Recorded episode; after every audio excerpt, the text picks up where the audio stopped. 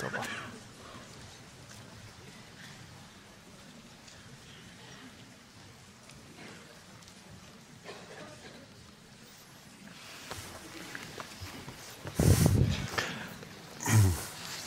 Jag har en in, infödd bärare. Tack. Tack. Om det var någon som tänkte att han hade följt med mig från Göteborg så var det inte så tyvärr. Ja, vem kunde tro att man skulle komma till Norge och bli citerad av polischefen i Kristiansand? Efter, efter det här kan man ju nästan bara lägga sig ner och dö av stolthet. Måste jag också bekänna en sak, så är det med allt bra man säger eller skriver, som den där. Så har jag naturligtvis snott den av någon annan. Eh, jag kommer faktiskt inte ihåg vem, men eh, det där är ju poängen med att ge saker, det är ju att det ofta bara fortsätter och vandrar vidare. Så kände jag, mig, jag kände igen mig så mycket av ditt resonemang runt ditt jobb, även om mitt är ett annat. Jag tänker så, väl, så ofta på, på just detta. Jag har skrivit i Göteborgs-Posten i ofattbara 25 år, re, regelbundet, utan någon paus. Och, eh, det är en bred läsekrets, det är 600 000 läsare eh, från samhällets alla skikt. Eh, och så försöker jag tänka att jag, jag vill ju skriva om tro. Jag vill skriva om det andliga livet, jag vill skriva om det heliga. Men försöka göra det med vanlig, vanligt språk, med vanliga ord. Och det där det är, det är svårare än det låter därför att man är själv så färgad av det språk man har vuxit upp med.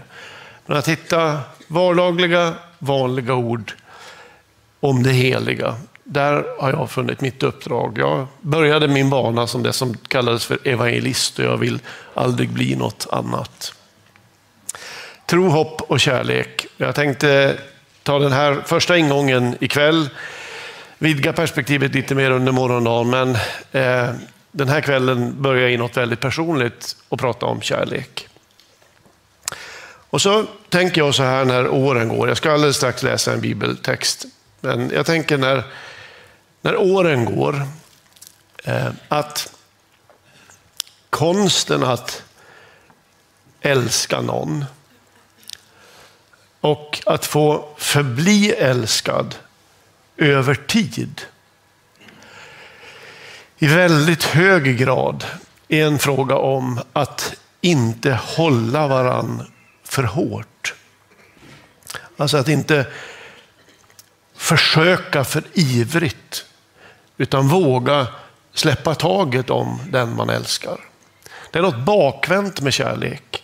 För så snart man försöker för kraftfullt, för snart man, så snart man vill för mycket, så snart man börjar pressa på, kräva kärleken, så vet ni alla att då, då slocknar kärleken. Kärleken kommer bara om den får chansen att komma för att den själv vill. Det finns ett underbart uttryck i engelskan och det är uttrycket falling in love. Har ni hört något vackrare? Men man hör ju på språket att, att det är också livsfarligt detta. Alltså den som, den som faller i kärlekens riktning har ju ingenting att hålla sig i, utan att älska någon, det är ju att släppa alla förankringar, allt annat och så bara falla i kärlekens riktning och lita på att man kommer bli emottagen. Det är därför det är så läskigt att älska. Därför att man har inget annat att hålla sig i, bara kärleken själv. Så också i tron. Jag tycker tron liknar mest av allt en kärlekshistoria. Jag ska stanna inför det, tron som kärlek, några ögonblick. Jag ska göra det utifrån det som jag anser vara en av Nya Testamentets vackraste passager. Och nu ska ni också få det på det himmelska språket, svenska. Jag har en liten norrländsk accent också som gör det ännu vackrare. Och så har jag övat på det här knarret på rösten i många år. Johannes 21 och från den femtonde versen. Bakom ligger ett gigantiskt fiskarfänge. Nu stillnar allt. När de hade ätit sa Jesus till Simon Petrus, Simon Johannes son, älskar du mig mer än de andra gör? Och Simon svarade, ja Herre, du vet att jag har dig kär. Jesus sa, för mina lamm på bete. Och han frågade honom för andra gången, Simon Johannes son, älskar du mig? Och Simon svarade, ja Herre, ja, du vet att jag har dig kär. Och Jesus sa, var en herde för mina får. Han frågade honom för tredje gången, Simon, Johannes son, har du mig kär? Petrus blev bedrövad när Jesus för tredje gången frågade, har du mig kär? Och han svarade, Herre, du vet allt. Du vet att jag har dig kär. Och Jesus sa, för mina får på bete. Sannerligen, jag säger dig, när du var ung spände du själv bältet om dig och gick vart du ville. Men när du blir gammal ska du sträcka ut dina armar och någon annan ska spänna bältet om dig och föra dig dit du inte vill. Och så angav han med vad för slags död Petrus skulle förhärliga Gud. Sen sa han till honom, följ mig. Rätta mig om jag har fel, men jag tycker att det känns som att det uppstår en paus i den här texten. En tystnad mellan den 17 och den 18 versen. Mellan för mina får på bete och sannerligen, när du var ung spände du själv bältet omkring dig. Där någonstans uppstår den tystnad och i den tystnaden, i den pausen där, skulle jag vilja säga någonting om kärlek. Eh, märk att samtalet, det här varma samtalet, eh, ingenting om sveket. Ingenting. Petrus hade svikit. Jesus nämner inte det ens. Ingenting om karaktären, alltså det kanske kan bli bättre i framtiden. Ingenting om förutsättningarna för att det skulle bli bättre. Bara detta, igen och igen, älskar du mig. Och sen tar Jesus liksom sats. Han har någonting mer att säga och han gör det med, den här, med det här dubbelanvändandet av ordet sannerligen i svenskan. Amen i Bibelns grundtext. Sannerligen, sannerligen säger jag dig.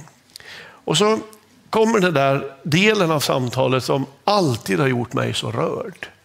Det här är något av det ömmaste jag vet. Först, när du var ung Petrus, minns du? Då spände du själv bältet om dig och gick vart du ville. När du blir gammal, och så lägger Jesus ut texten av det. Som om han, och detta är min tolkning, efter allt som har hänt i Petrus liv, inklusive sveket Jesus inte nämner, så är det som om Jesus liksom lägger ut hela Petrus liv på stranden emellan dem. Petrus är bevisligen relativt ung när detta sker. Kanske handlar det här om något helt annat än år. Att år egentligen är helt oväsentligt i den här berättelsen. Jesus drar ut livsspannet för honom väldigt, väldigt långt från ungdom till ålderdom. Och så säger han ungefär, Petrus, jordelivet är en begränsad historia. Det är den här tiden du får. Inga dimridåer, utan krass vardagsverklighet. Det är den här tiden du får. Författaren Henry Noven berättar i någon av sina ganska tidiga böcker om den period när han var universitetslektor. Och att han varje gång han fick en ny grupp studenter så började han den första kursen på samma sätt varje gång. Och det var att när den här ganska stora gruppen var samlad så innan han gick in på det kursen skulle handla om så sa han, ja en sak jag vill visa er först. Och så tog han sin penna och så på den långa whiteboarden eller tavlan som fanns där, han säger att den var ungefär fyra meter lång, så drog han från den ena änden av tavlan hela vägen över så här till den andra änden ett streck, markerade det i ändarna och så sa han, det här är vårt eviga liv i Gud. Du kommer från Gud, du lever ditt liv i Guds blick och du är på väg tillbaka till Gud, alltså från evighet till evighet. Du var älskad när du kom. Du kommer vara älskad när du lämnar den här världen. Sen berättar han hur han markerar ett litet stycke på den här långa linjen, två eller tre centimeter någonstans i mitten. Och så sa han, och det här, det är ditt liv på jorden, ditt jordiska liv. Det är bara en del av ditt totala liv i Gud. Det kan bli långt, det kan bli kort. Men detta är din möjlighet att få upptäcka det där större. Nämligen att du är älskad av Gud. Men det är också din chans att få vända dig till denne Gud och så säga, och jag älskar dig också. Sen började Henry Noven sin kurs med unga teologistudenter. Så tänkte jag, det är precis det här Jesus gör på stranden. Det är som om han drar ut den där livslinjen, gör den riktigt lång och markerar den för Petrus med de där orden, när du var ung och så hela vägen till när du blir gammal.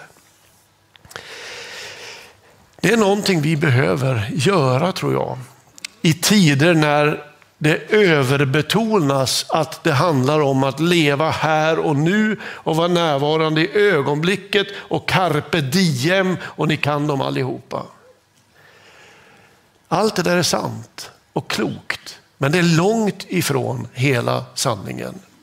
Till den sanningen hör att nuet alltid måste sitta i ett meningsfullt sammanhang. Nuet står inte på egna ben. Det har alltid en förhistoria och det har alltid en framtid. Nuet har sitt värde, men det har också sina stora begränsningar.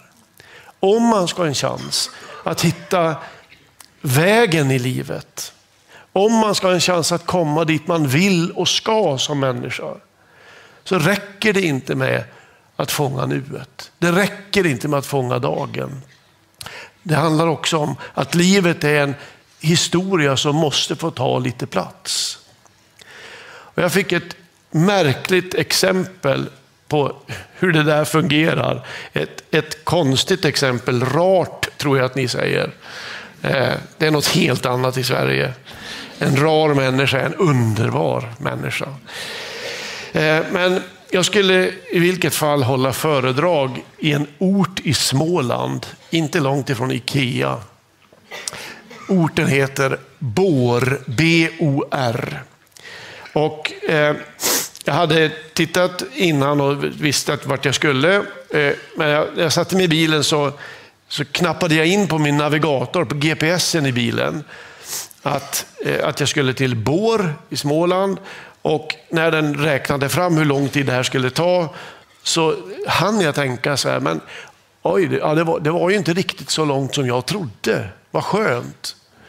Så jag rullade i sakta mak in mot Småland från Göteborg där jag bor. Eh, stannade och drack kaffe på Statoil. Underbart. Och eh, kom fram till Bår en halvtimme innan det skulle börja. Lite osäker på vad jag skulle vara, så jag, jag tog dem i sannolikhetsordning. Jag började med Svenska kyrkan, det är det vanligaste för mig. Eh, där var det helt stängt, inte ens vaktmästaren var där. Jag åkte snabbt vidare till Missionskyrkan, började bli lite stressad. Stängt och låst även där. Jag åkte till Folkets hus, inte en människa där, inte ens en bil på parkeringen. Och någonstans där så hann jag tänka så här, om jag någonsin har haft någon pytteliten popularitet i Småland så är det över nu. Alltså, här väntar ingen på mig. Men då tänkte jag den intelligenta tanken att det kan ju vara så här att, att jag är på fel ställe. Så jag snabbt tittade jag i min kalender, det var Bår jag skulle vara i. Och så googlade jag på Bår, Småland och då såg jag att det finns två platser i Småland som heter Bår. Det skiljer ungefär 40 kilometer emellan dem. Och nu fick jag plötsligt bråttom och jag skulle dessutom prata om vila den där kvällen, vilket är som en mardröm. Jag vågar inte lita på navigatorn i bilen längre utan jag tog fram kartboken i, i, som vi hade i bilen. Ni vet en sån där riktig gammeldags kartbok. Eh, och som har hårda pärmar och väldigt hållbar och praktiskt format och allting. Men ni som har försökt navigera efter en sån, ni vet ju att det är i stort sett helt omöjligt. Därför att när man väl hittar rätt sida där man är, och tänk att man är lite stressad nu också, man hittar rätt sida där man är, då ska man ju följa en, en, en väg där som väg 40. Nu skulle jag från Bår till Bår, det var en konstig resa men det var det. Man ska följa vägen där och det slår ju aldrig fel att man kommer till kanten på sidan här och då står det en pil där att man ska bläddra åtta sidor tillbaka. Och så ska man hitta den här lilla vägsnutten igen och då tar den slut här nere och så här håller det på. Eh, och vilken befrielse det var när jag i vårt handskfack hittade en sån här gammeldags bensinmaxkarta, bensinstationskarta. Minns ni dem? Ni som är unga vet inte vad jag pratar om. Men det var, det var en karta som man vecklar ut så här. Eh, över instrumentbräda och knän. Den tar fruktansvärt mycket plats jämfört med kartboken. Men den har en sak som kartboken saknar. Och det är överblick. Alltså man ser samtidigt var man är och vart man ska. Och i det finns en stor poäng, en stor vishet. Eh, ibland tänker jag att vår tids vilsenhet, vårt samhälles vilsenhet, kanske grundar sig precis här. Att vi så att säga läser för mycket en sida i taget. Att vi har växlat ner de här stora bilderna av livet till någon slags bekvämt fickformat. Det tar inte mycket plats, det är inte i vägen. Men när vi ska orientera i tillvaron, särskilt när, när någonting händer i våra liv, när någonting svårt händer i våra liv och vi måste finna vägen framåt, då inser vi att det räcker inte med att fånga dagen, det räcker inte med den här lilla kartbilden. Det är då man måste ha en, en större bild. Man måste veta var man är, men man måste faktiskt också få reda på vart är jag på väg? Vart vill jag vara på väg? Och Det går inte att säga det jag säger nu utan att i samma andetag säga att för mig, och detta blir viktigare och viktigare för varje dag som går, så är den där större bilden, det är den kristna tron. Alltså tron på att livet inte bara är ett, ett slumpskott, att vi är här av en händelse, utan tron på att livet har en mening, att livet har ett mål, att livet är på väg någonstans, att det finns ett syfte med att vi finns här. Att det finns en personlig Gud som ser och följer våra liv. Utan den bilden vill jag inte orientera. Det räcker inte med att fånga dagen. Man behöver en större bild. Det är livet det handlar om. Och livet är en historia som måste få ta lite plats. Jag tänker på den vanliga kärleken, men i samma andetag också på kärleken till Kristus. Livet måste få ta lite plats. Kärleken måste få ta lite plats. Så att ibland stanna upp och så liksom lyfta blicken över dagens kartbok och så ställa en del jobbiga frågor kan faktiskt vara vägen framåt. Jag tänker på alla oss som lever tillsammans med någon annan eller några andra. I en kärleksrelation, i en familj. Att det kanske är sånt här vi ibland behöver prata med varandra om. Och att det också är en så stor gåva till ett samhälle, till det samhälle vi älskar. Att vi skapar platser, små och stora, där vi får prata om sånt här. prata med varann om livets mening och livets mål. Jag tänker på alla oss som lever i en kärleksrelation som får nåden att göra det. Att någon gång ibland liksom, stänga tvn. Eller man kan göra som min mamma gjorde när hon tyckte att det var dåliga tv-program. Då hängde hon en duk över tv. Som att programmen blev mindre dåliga bakom duken. Men att stänga tvn och så, och så titta varandra djupt i ögonen. Och så dra ut liksom, livstråden, livsspannet lite mer och så säga till varandra, eh, är det så här du och jag vill leva i 10 eller 20 år till om vi skulle få det? Alltså, håller den livsstil vi har nu? Om du och jag skulle få ett långlopp tillsammans. Och inte minst, mår våra kärlekar bra av det sätt vi lever nu? Och detta av ett enda skäl och det är att dag läggs till dag på ett så försvinnande snabbt sätt och så obemärkt att förrän man anar det så upptäcker man att de där dagarna, de där vanliga dagarna, liksom det liv som bara blev nästan av sig själv, som man bara åkte med i. Det blev ett liv av det. Och det blev mitt liv, eller vårt liv. Men det är ju inte samma sak som att det var det livet vi drömde om. Och att i det ögonblicket våga dra ut kartbilden lite grann och inte bara säga hur har vi det nu, utan också våga säga vart vill vi vara på väg? Är att ge kärleken en stor chans i livet. Jag jobbar halvtid eller halvstillning, tror jag det heter här ungefär, som församlingspastor. Jag har gjort det i fruktansvärt många år. Det är 35 år sedan jag kom till Smyrnakyrkan. Eh, och jag är fortfarande kvar till någras glädje och andras förtret. Jag tänker inte ge mig förrän de bär ut mig. Till mina, till mina arbetsuppgifter hör i alla fall att jag med, med ganska jämna mellanrum blir kallad till något av våra storsjukhus. Och det här sitter väldigt mycket ihop med skrivandet. Att jag har skrivit så länge i Göteborgs-Posten och skrivit böcker. Och böcker som är ett långsamt medium har en förmåga att leta sig vidare och så någonstans hamnar de där man aldrig trodde att man skulle möta dem.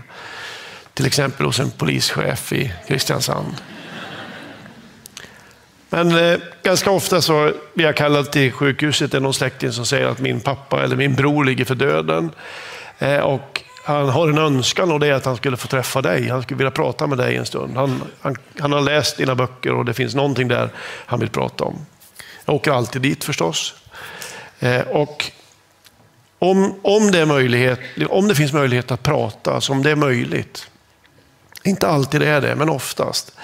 Om det finns möjlighet att prata så är det så slående att de här samtalen, alltså när, när den där livstråden är utdragen till det yttersta, om man tittar tillbaka på det liv som nu är levt, så handlar de samtalen alltid om samma sak. Jag lovar er, det är aldrig någon som har pratat på någon dödsbädd och pratade med mig om en Thailandsresa som blev inställd eller något annat. Eller att man inte hann byta kök. Aldrig. Nej, alla pratar om samma sak. Det är tre saker. För det första, kärlek. Kärleken man fick, kärleken man aldrig fick, kärleken som gick i tusen bitar, barnen, de gamla föräldrarna och så vidare. För det andra, kärlek. Och för det tredje, kärlek. Och så tänker jag så här. Ska det vara så fruktansvärt svårt att ta den insikten som tydligen alla kommer till någon gång. Och så backa in den i det liv som pågår nu och så bestämma sig för att jag vill börja leva så nu medan jag har chansen att göra det. Inte vänta tills den dag jag inser att det var för sent. Den här evangelietexten landar i en märklig bild. Någonstans där jag började. Det är, det är som att Jesus på stranden där, när han liksom drar ut den där livslinjen till yttersta och säger Petrus, det här är det liv du får. Det här är förutsättningarna. Så ena sidan säger han, när du var ung så spände du bältet om dig och gick vart du ville. Men när du blir gammal, alltså den andra änden, så ska du sträcka ut dina armar och någon annan ska spänna bältet om dig och föra dig dit du inte vill. Jag skulle vilja landa den här kvällen där någonstans. Att jag tror att det här, det här är ett kristet tecken. Armarna sträckta utåt. Öppet mot Gud, mot medmänniskor, mot samhället. Den som sträcker armarna utåt har inget skydd för bröstet eller för hjärtat. Så tror jag att andlig mognad ser ut. Alltså att förlora kontroll, släppa taget, låta sig föras, falla i kärlekens riktning, överlåta sig helt och fullt till någonting som är större än min egen vilja och förmåga. Falla fritt i Guds händer. Någonstans så att kroppen liksom säger, för mig var du vill, bara jag får vara med dig. Och Jesus upprepar frågan, älskar du mig? Ja, du vet att jag älskar dig. Men han vill nog att Petrus faller lite till. Har du mig kär? Ja, du vet att jag är dig kär. Och så vidare. Kanske kan man säga att det handlar om att inte göra motstånd. Att inte skydda sig mot livet, att inte skydda sig mot Gud. Och kroppen talar sitt tydliga språk. Jag använder inte mina armar för att skydda mig eller slå mig fram. Jag sträcker ut dem som ett tecken på att jag är redo att möta livet i sällskap med Jesus. Och jag har fått för mig att Jesus säger till någon den här kvällen, alldeles speciellt, du kanske sitter i lokalen här, du kanske följer där via andra medier. Jag har fått för mig att Jesus säger till någon att väljer du den vägen, kärlekens väg, så kommer det att kosta. Väljer du kärlekens väg så kan du inte parkera dig i det bekväma i tillvaron. Jag tror Jesus säger, jag kallar dig att leva öppet, inkännande, utgivande. Men om du vill vara med om det stora fiskarfänget, jag ska prata om det imorgon. Om du vill vara med i det stora fiskarfänget, det som Petrus timmarna innan hade fått en bild av när näten höll på att brista. Om du vill vara med om det, så är det här den enda vägen att gå. Det handlar till slut bara om kärlek. Tro är ingen affärsöverenskommelse mellan två parter. Tro är en kärlekshistoria. Och just där när man håller sina armar så här så upptäcker man att där dubbelexponeras liksom våra liv och Jesu liv. Plötsligt ser vi en bild till, den viktigaste bilden av alla, den största bilden av alla. Jesus på korset, famnande en hel värld. Därmed också famnande våra ibland ganska spretiga liv. Älskar du mig? Vi ber.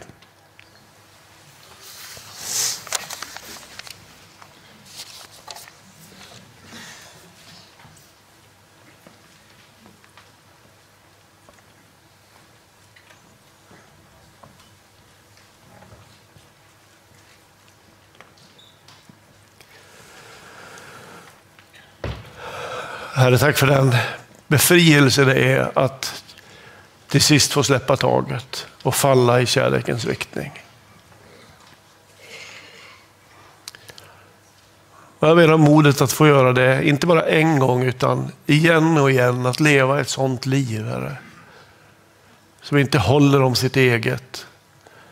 som inte skyddar sitt eget utan som, som bara vill gå din väg. Följa din vilja. Var till välsignelse. Var till hjälp. Herre, jag ber att det här samhället, Kristiansand, med alla små samhällen som finns runt omkring skulle få genomsyras av människor som lever så. Som inte först och främst söker sitt eget, utan som söker ditt rike, din rättfärdighet och det bästa för sitt samhälle. I Jesu namn. Amen.